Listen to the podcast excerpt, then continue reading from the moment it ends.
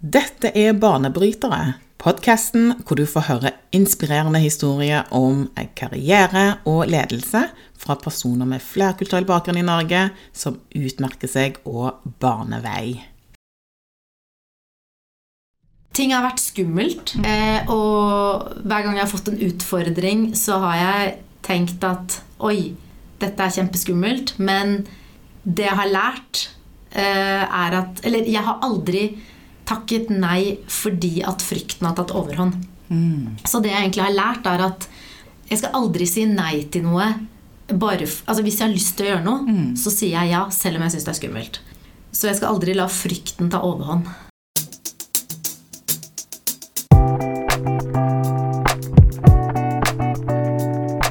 Gjesten i dag er Rima Iraki, som er en av NRKs mest kjente profiler.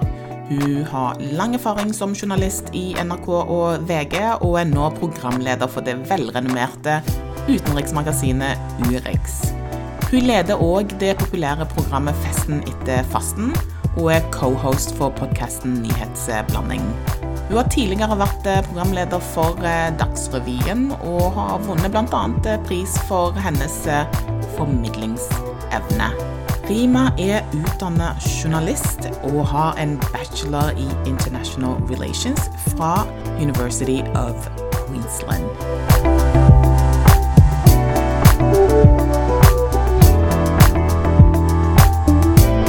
Velkommen, Rima, til Barnevridere. Tusen takk. Hvordan har dagen vært?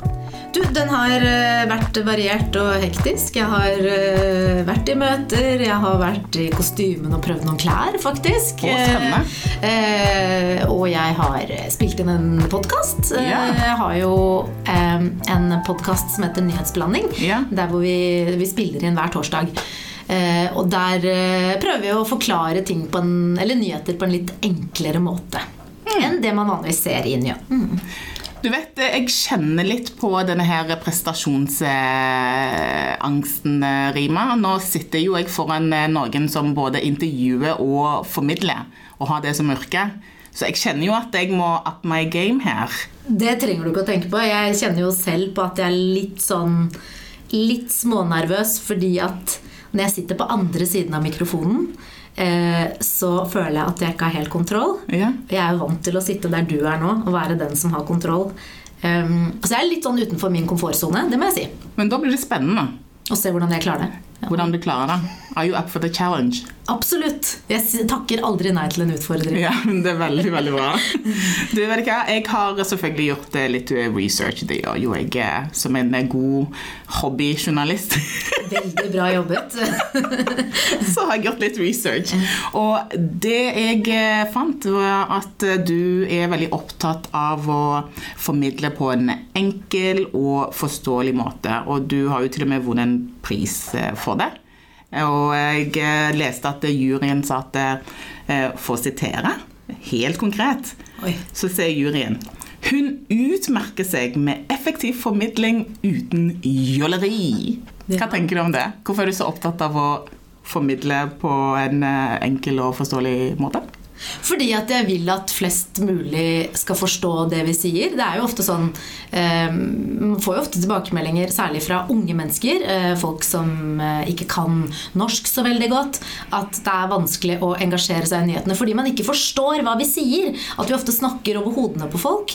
Og jeg kan jo også oppleve noen ganger at jeg sitter og ser noen saker og så tenker jeg hva var det den saken der egentlig handlet om? Jeg som er journalist, som er veldig inn i det stoffet, kan også føle at jeg ikke forstår det fordi at ting er forklart på en komplisert måte, eller at man tar for gitt at den som sitter og ser på eller leser artikkelen, har veldig mye bakgrunnsinformasjon.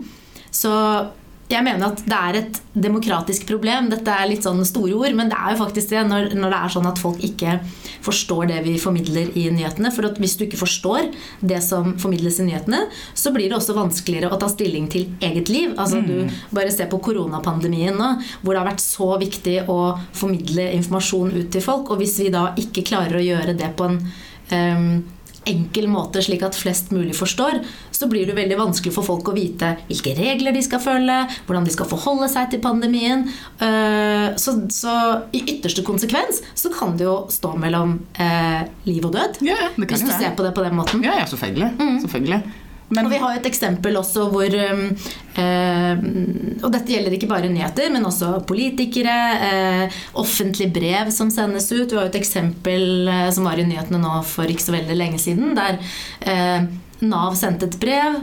Eh, som var så komplisert eh, skrevet at de som satt på andre siden, trodde at Nav ville drepe dem. Å, hallo. Og det tenker jeg, det sier jo sitt. Eh, Yes. Så vi har jo på en måte ganske mye å gå på, både vi journalister og, og de som sitter og skriver disse offentlige brevene. Og jeg kjenner jo selv, da jeg, når jeg har, de få gangene jeg har forholdt meg til Nav, f.eks. når man skal ut i svangerskapspermisjon osv., eh, og måttet fylle ut noen skjemaer, så har jo jeg slitt med å forstå hva det egentlig er. Eh, Det er mye ord. det er mange mye store ord. Jeg tenker at Mm. Dette kunne man ha forklart på en mye enklere måte. Ja. Og selv om det skal være enkelt, så betyr det ikke at det skal være fordummende. For vi skal jo ikke snakke til folk som om de er bitte små barn. Mm. Det skal jo ikke være barnslig. Eh, men jeg mener at du kan fortsatt ha et rikt språk, eh, og det kan være eh, voksent, hvis du skal si det Ja. på den måten. Eh, men at det fortsatt kan være enkelt. Så enkle ord, eh, bort med faguttrykk, eh, og korte setninger. Sett punktum. Ja. Jeg har, jo vært på, har du noen gang vært på møter hvor du har eh, følt at eh, du aner ikke hva de som formidler det de skal formidle, du, du aner ikke hva de sier for noe. For de bruker så mye sjargonger, de bruker eh, tunge fagspråk, eller tungt språk generelt. Jeg tror også det handler om at man, når man er i sitt eget miljø, så er det jo veldig lett å bruke ord og uttrykk som alle skjønner i det miljøet, som f.eks. jurister eller eh, folk i helsevesenet har jo også noen ord og uttrykk som bare de skjønner. Men hvis du skal eh, formidle det til resten av befolkningen, så må man vite hvem publikummet er. Ja. Eh, og for vi som er journalister, publikummet vårt er jo alle. Eh, det er eh, 17-åringen, og det er eh, 70-åringen. Eh, og da må vi bruke et språk som flest mulig forstår. Ja. Men det er jo en kunst, det. Det er også nå en, eh, en 13-åring og en 70-åring. Så, så når du har formidla eh, som, som programleder Altså, du skal jo treffe hele føla. Altså, altså Og jeg, ikke, og jeg vet ikke helt om jeg vil kalle det jeg driver med for kunst, Ja. men, men det jeg i hvert fall kan si, er at det, eh, jeg har et veldig bevisst forhold til det. Og jeg bruker mye tid, ikke bare jeg, men også mine kollegaer. Vi sitter og bruker mye tid på det rundt desken. Vi diskuterer språk veldig mye.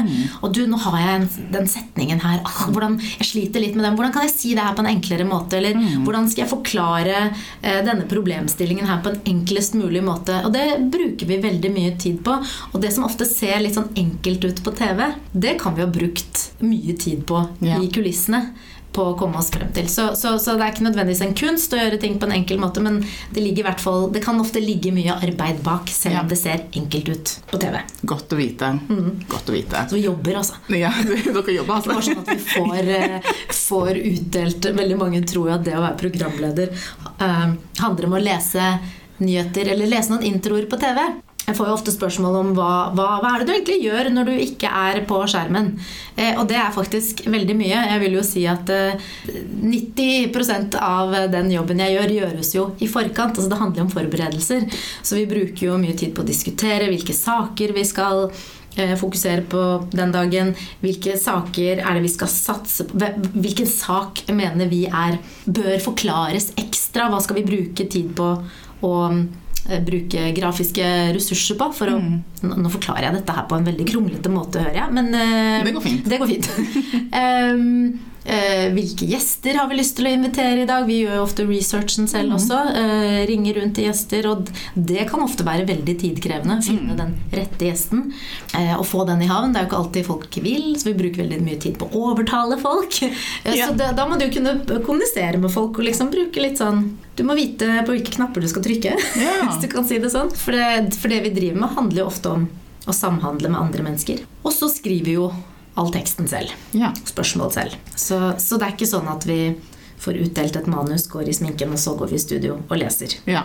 Og mye skjer jo, og kan jo ofte skje underveis også. Hvis, du, eh, hvis det er eh, nyheter som skjer mens du er i studio, så må du jo ta stilling til det mens du er på lufta. Um, så da gjelder det å kunne tenke fort. Ja, og improvisere. Og improvisere. Og ikke la seg stresse Ja. av den type situasjoner. Bare å holde seg rolig. Eh, For jeg tror at med en gang vi som programledere som på en måte skal Folk stoler jo på oss, de har tillit til oss. De sitter og ser på oss fordi de, vi skal gi dem nyhetene. Vi skal formidle sannheten. Eh, Og da er det viktig at vi bevarer roen. For at jeg kjenner jo på det selv at hvis jeg ser en programleder som stresser, Ja. som virker litt sånn oppkavet, så blir man jo selv litt, Du blir litt sånn stresset. hjemme i Ja, du blir litt stressa. Ja. Ja, du gjør det. Mm. Det er høre, det er spennende å høre hva som skjer i bak kulissene. At vi har fått uh, forklart det for folk, at det, Ja. det faktisk ligger kjempejobb bak hver eneste sending. Det gjør det. Ja. Veldig my mye mer jobb enn det folk tror. Ja. I 2021 så vant uh, programmet Festen etter fasten en pris. Ja, Ja. Og det var ikke en hvilken som helst pris. ja.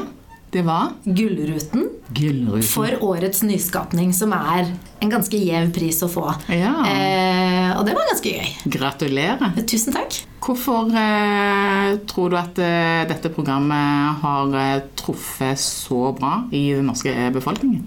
Først og fremst er det jo helt nytt, selv om det baserer seg på et tradisjonelt norsk TV-konsept. Altså det er jo eh, veldig likt Kvelden for kvelden. Men jeg tror det handler litt om at både den etnisk norske befolkningen fikk et innsyn eller et innblikk i eh, den delen av verden som man ikke har Som man kanskje har vært litt nysgjerrig på, eh, og ikke hatt noe særlig innblikk i. For ofte så er det jo sånn at eh, når vi snakker om innvandring, så, så er det jo eh, utfordringene vi ser på. Og det er jo mange utfordringer, og de må vi jo, de må vi jo diskutere.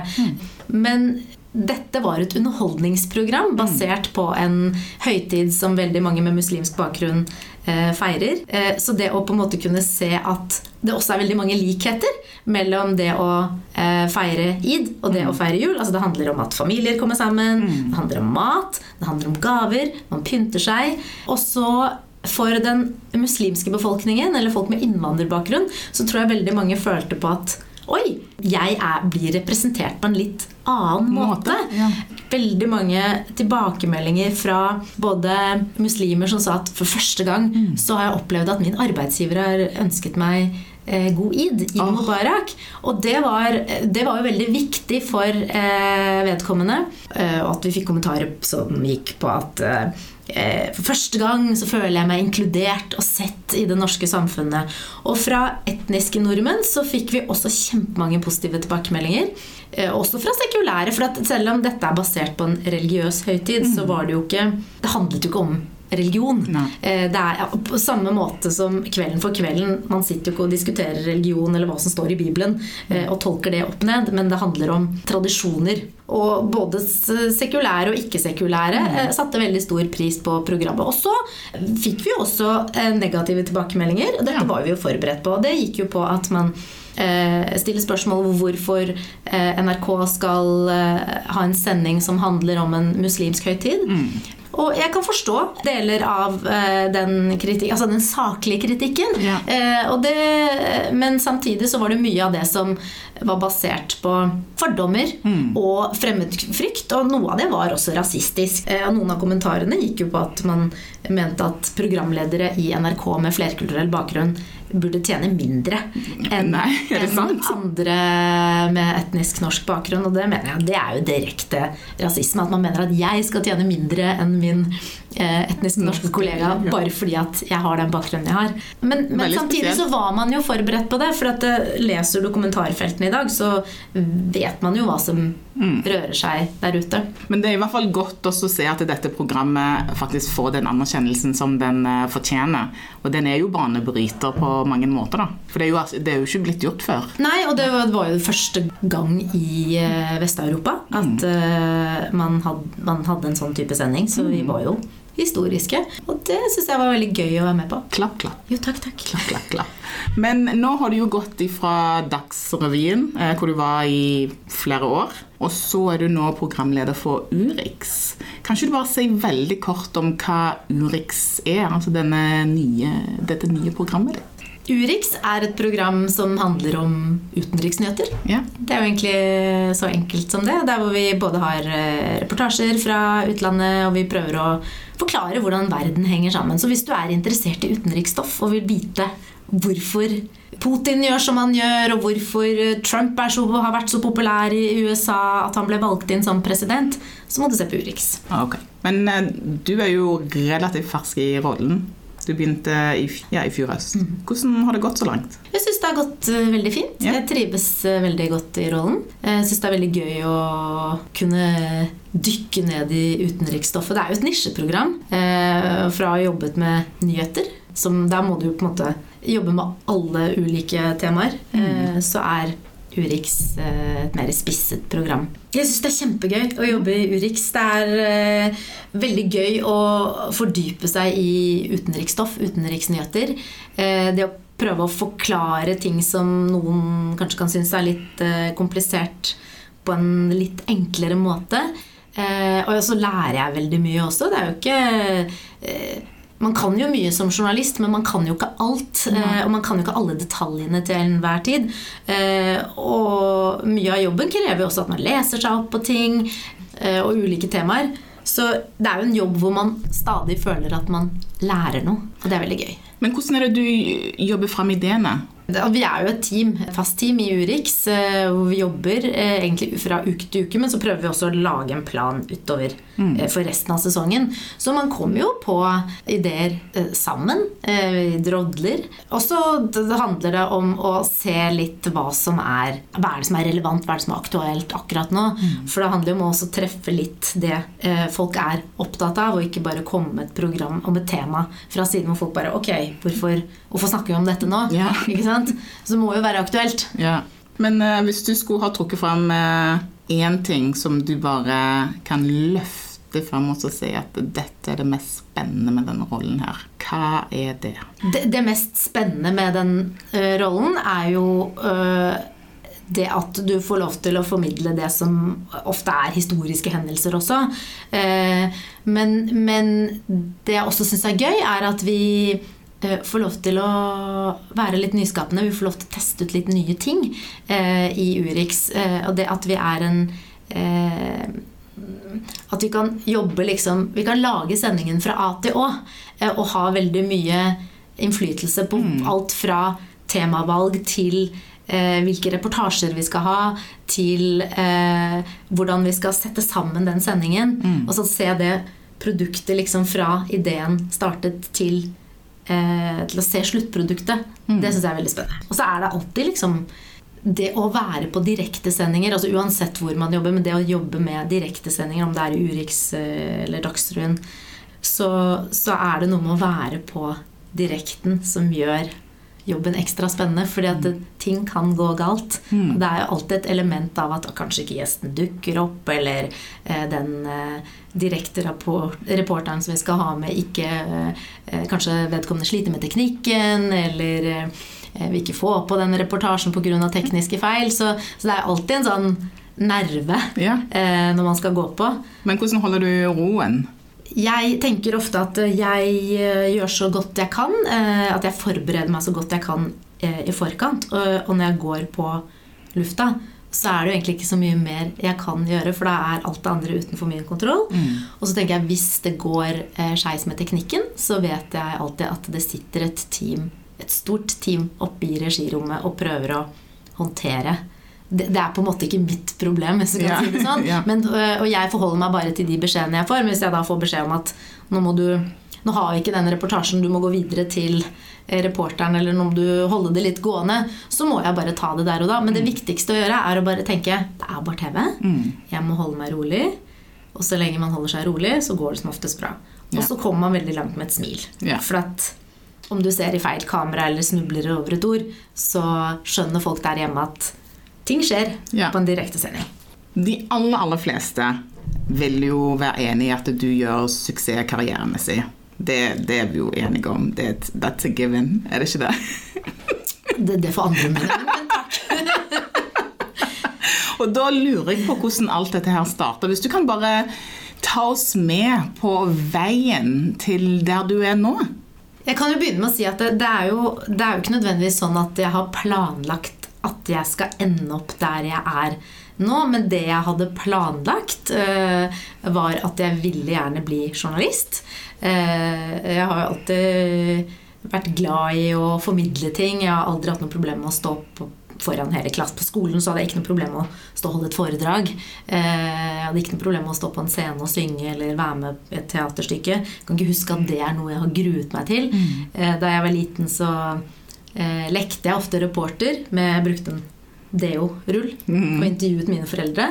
Så da har vi kanskje ligget litt i kortene, selv om jeg også var innom eh, både politi og frisør og flyvertinne og oh, ja, ja. andre sånn mm, Du vet jo hvordan det er. Ja, man har barn. Det er jo mye man har lyst til å teste ut. Ja, jeg hadde lyst til å jobbe i resepsjonen på, på fly eh, sånn, der som man sjekker inn. Oh, ja. Sjekk inn eh, resepsjonen. Jeg syns det så så gøy ut. Ja, hvorfor det? Jeg vet ikke. Det var da jeg var yngre. Alt var bare fantastisk. Og det var gøy med Og de hadde så fine drakter. Ja, det er sånn flotte drakter. Og spesielt KLM så syns jeg de var så flotte, de damene. Så da tenkte jeg å, jeg skal bli en sånn, en sånn uh, innkjekk dame. Ja. Så ser jeg nå at nei, kanskje jeg ikke hadde passet det. Men uh, sånn er det. Det kan godt være. Men du, du, du, gjør en veldig god jobb i den rollen ja. nå.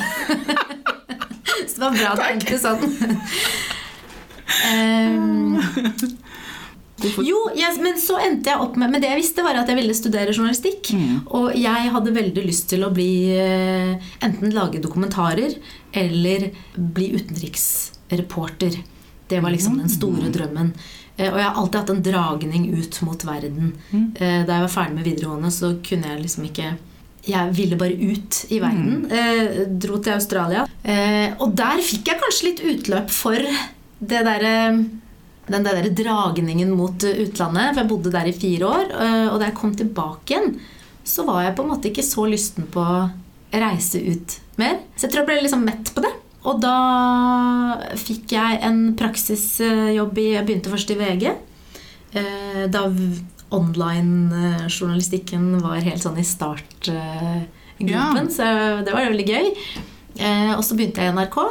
Og så har liksom bare jobbene bare dukket opp. Altså, jeg har ikke jeg har, satt, jeg har aldri satt meg som mål at jeg skal bli programleder i Dagsrevyen eller at jeg skal bli programleder i Urix. Mm. Eh, jeg har bare prøvd å gjøre en så god jobb som journalist. Jeg visste at jeg ville jobbe med nyheter, eh, for det har jeg følt har vært meningsfullt. Eh, og det er noe med å føle at man er en del av verdens Altså de hendelsene som skjer. Men så har liksom bare ting dukket opp. Ja. Og da har ikke du vært redd for å si ja? Jeg har um, Ting har vært skummelt. Eh, og hver gang jeg har fått en utfordring, så har jeg tenkt at oi, dette er kjempeskummelt. Men det jeg har lært, uh, er at Eller jeg har aldri takket nei fordi at frykten har tatt overhånd. Mm. Så det jeg egentlig har lært, er at jeg skal aldri si nei til noe. Bare, altså hvis jeg har lyst til å gjøre noe, mm. så sier jeg ja, selv om jeg syns det er skummelt. Så jeg skal aldri la frykten ta overhånd. Mm. Og det tror jeg kanskje kan være litt Jeg tror kanskje det har bidratt til at jeg Altså det å stadig tørre å pushe de grensene som man har, da, og gå ut av komfortsonen, det tror jeg kan være veldig sunt. Mm. Eh, så når jeg ser tilbake nå på ting som Det er jo ofte sånn at når man har jobbet en stund, så ser man tilbake igjen på ting som man syntes var veldig skummelt i starten, og så tenker man ah, men hvorfor syns jeg det ja, var skummelt? Var det så gale? Ja. Ja. Og det handler jo om at man har utviklet seg. Sånn tror jeg det er for de fleste. Så tør å gå utenfor komfortsonen. Ikke la frykten stå i vei.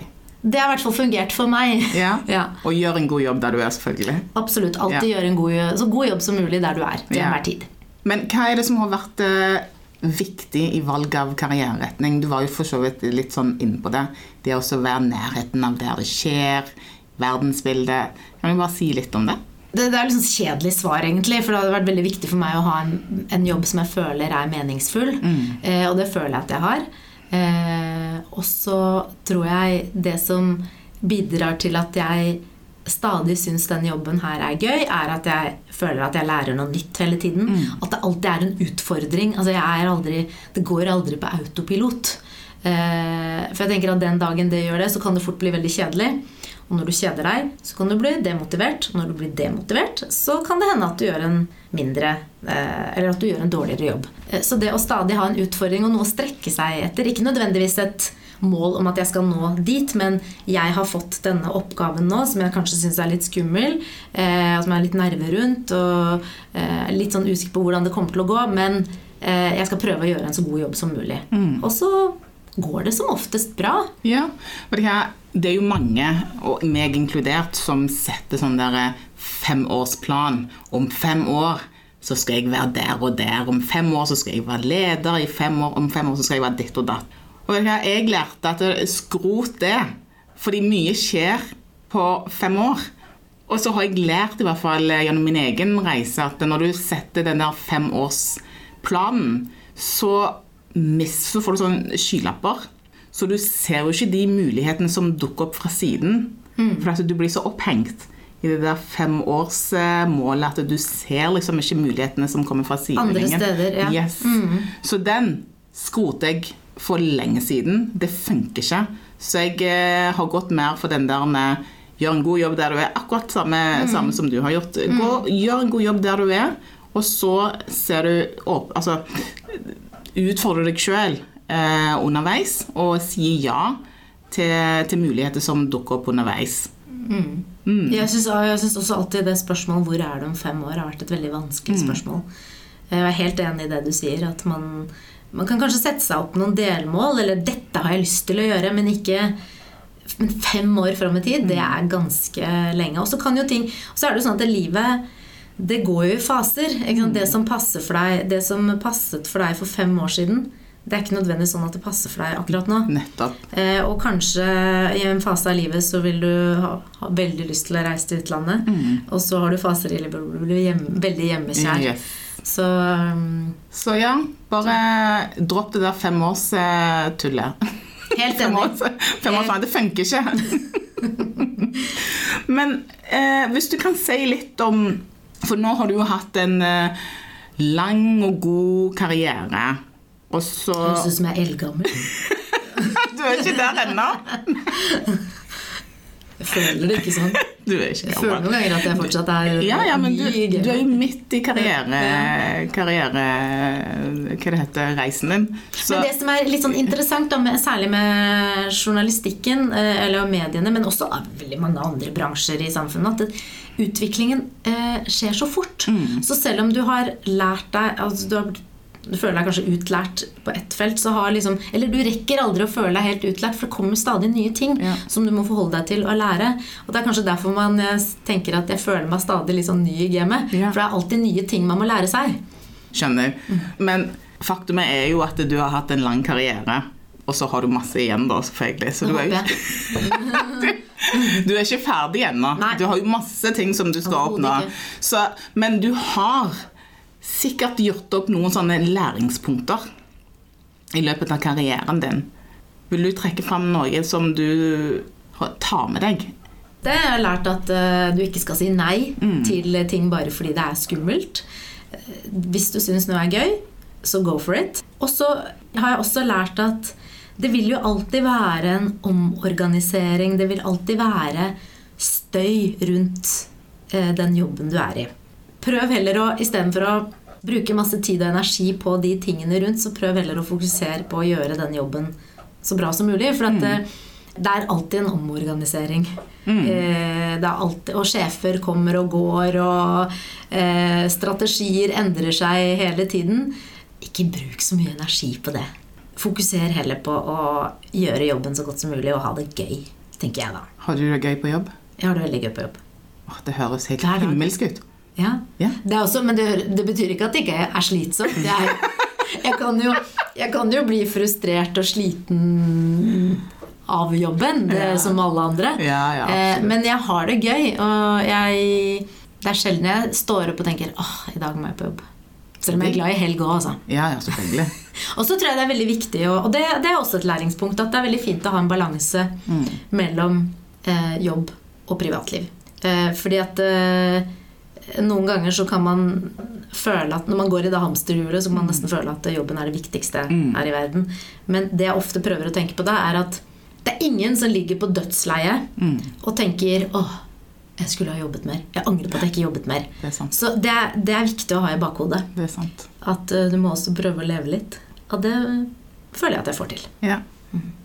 Du har jo truffet veldig mange spennende mennesker opp gjennom karrieren din, og du har eh, deltatt på ulike arrangementer.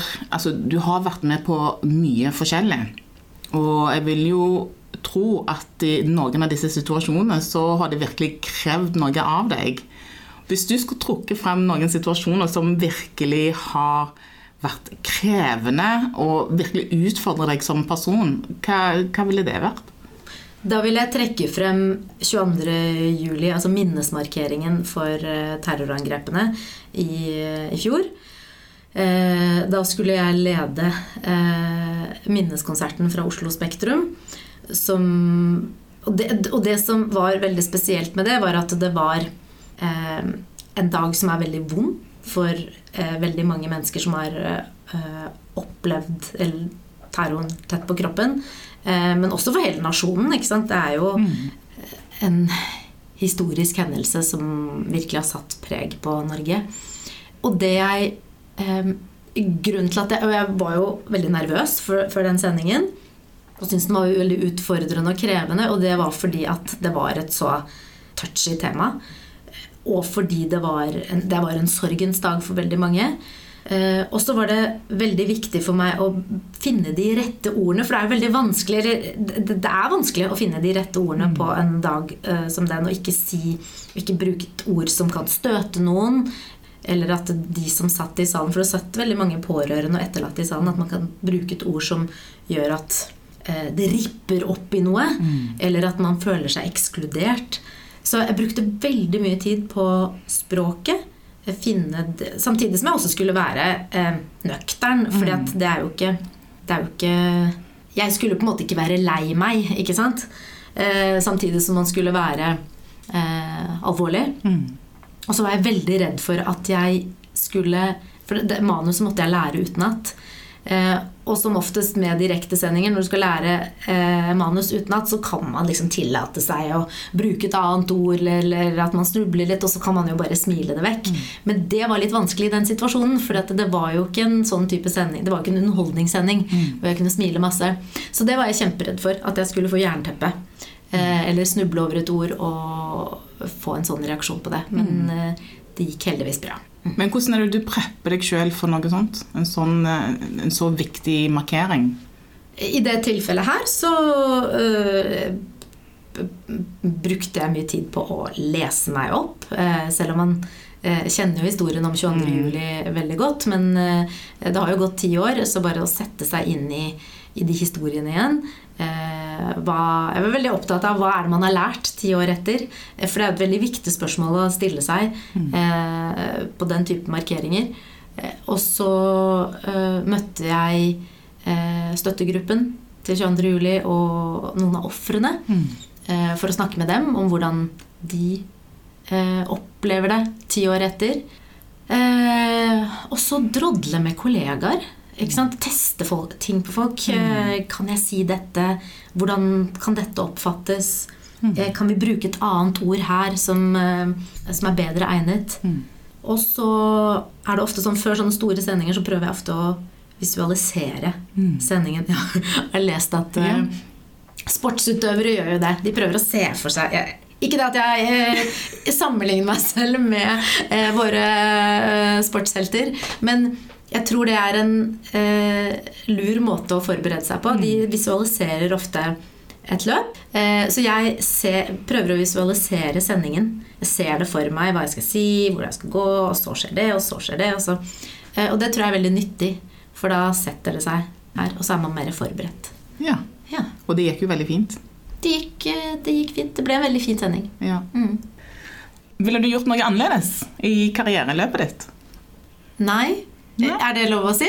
Ja, klart det. Men, men, men, jeg ville kanskje nå som jeg liksom ser tilbake igjen, så skulle jeg ønske at jeg eh, i starten stresset mindre. Eller at jeg hadde litt mer selvtillit på mm. at det jeg gjorde, var eh, bra. For jeg brukte veldig mye tid på det i starten. Tenke mye over hva eh, Hvordan folk så på mitt arbeid, om det var bra nok. Mm. Men det tror jeg er veldig vanlig når man er fersk, og særlig når man har en sånn type rolle hvor man er veldig eksponert. Fordi jeg vil jo det å, det å presentere nyheter på TV nesten daglig, det er som å Du føler liksom at du går opp til eksamen, Ja. eh, og så har du hele Norge som sensor. For at det, det er så synlig når du gjør en feil, da. Eh, så man blir jo etter hvert veldig vant til å få tilbakemeldinger også, sånn evaluering på også de tingene som ikke er så bra. Sånn saklig, saklig og ikke usaklig kritikk. Ja. Vi liker saklig kritikk. Vi liker saklig kritikk, Ja, selvsagt. ja, Vi tar det imot. Ja, vi tar det imot. Men uh, du, uh, du er god på å ta imot konstruktiv tilbakemelding, eller? ja, ja, ja. Bare kom med det. Kom. med. Jeg vet jo at det, det er ingen som er perfekte. Og jeg tenker også at vi, vi skal jo stadig utvikle oss. Og hvis vi skal kunne utvikle oss, så må vi også kunne ta imot saklig saklig og konstruktiv kritikk. Ja, er Uten å ta det personlig og bli lei seg. Ja. Hvordan er det du kobler av når du er ferdig eh, foran skjermen, Mhm. og du kommer deg hjem? Klarer du å Nei. legge fra deg jobb? Nei, det går ikke. Ja. Ikke. Du er fortsatt Da må jeg i så fall, eh, i så fall gå rett på en fest, eller eh, Men når jeg eh, kommer hjem etter eh, eh, sending, så kverner det ofte Ja. i hodet. Eh, og da særlig hvis eh, Så blir ofte litt sånn ah, Burde kanskje ha gjort sånn. Eh, så jeg, jeg tenker sjelden på hva jeg burde gjort i karrieren som var annerledes, men jeg tenker, kan ofte gå gjennom sendinger og tenke Burde heller gjort sånn, burde heller stilt det spørsmålet. Og særlig hvis det har gått galt, eller hvis eh, ting ikke har gått vår vei, så kan jeg bruke litt tid på å irritere meg over det. Men jeg har blitt mye bedre til å bare tenke. Det er bare TV. Det var TV. Ja. Så prøver jeg å Nei, så det er ikke det, altså, Rett etter sending så er det faktisk litt vanskelig å koble av. Fordi at eh, hjernen jobber fortsatt. Og så er det noe med det å være på lufta. Eh, så har du, du har så mye adrenalin i kroppen for at du er så på. Og da tar det ofte litt tid før eh, Det det nivået går ned. Ja. Ja. Men da trener du og gjør noen sånne fritidsaktiviteter som gjør at du bringes ned igjen? Ja, Ja. jeg trener. Og ser på serier uten mening. Ja. Som Har du guilty pleasures? Serier? Ja, eller den siste jeg så på nå, var Emily in Paris eh, sesong to. ja. Og da etter første episode tenkte jeg åh, hvorfor gidder jeg det her? Det er så meningsløst. Men, men eh, det var liksom så deilig å se på, for det var så Jeg trengte noe sånn hjernedødt. Jeg, jeg bruker det som terapi, jeg, å se på sånne der, eh, hjerneløse eh, tegneserier, da. Nei, Ja. te, ikke tegneserier. Reality-serie. Deilig serie. Det òg! Animasjon. Ja, men jeg tror alle bør gjøre det. Ja, men du det er så deilig. sånn- Og så hører jeg på musikk. Så jeg kan ofte sånn på vei hjem, så istedenfor å sette på vanligvis, så hører jeg på nyheter på vei inn til jobb. Eller en podkast. Men uh, på vei hjem så er det sånn Nei, da skal jeg ikke høre på nyheter. Da er det musikk å koble av. Danser jeg litt i bilen. Gjør de det? Ja. Og så synger høyt. Ja, Og så bare håper jeg at ingen ser meg. Ja. Jeg synger høyt i bilen. Du gjør det? Ja. Ja da. Jeg rapper òg, vet du. Du gjør det? Ja. Har, du, har du god på det? nei. Jeg mener jo selvfølgelig personlig at jeg er veldig god, men jeg tror ikke andre ville vært så enig i det. Prøvde meg på rapping her om dagen. Det gikk ikke så bra. Det går for fort. Det går for fort. Ok. Rima, tusen takk for praten. Tusen takk for at jeg fikk være med. Det var veldig hyggelig. I like måte.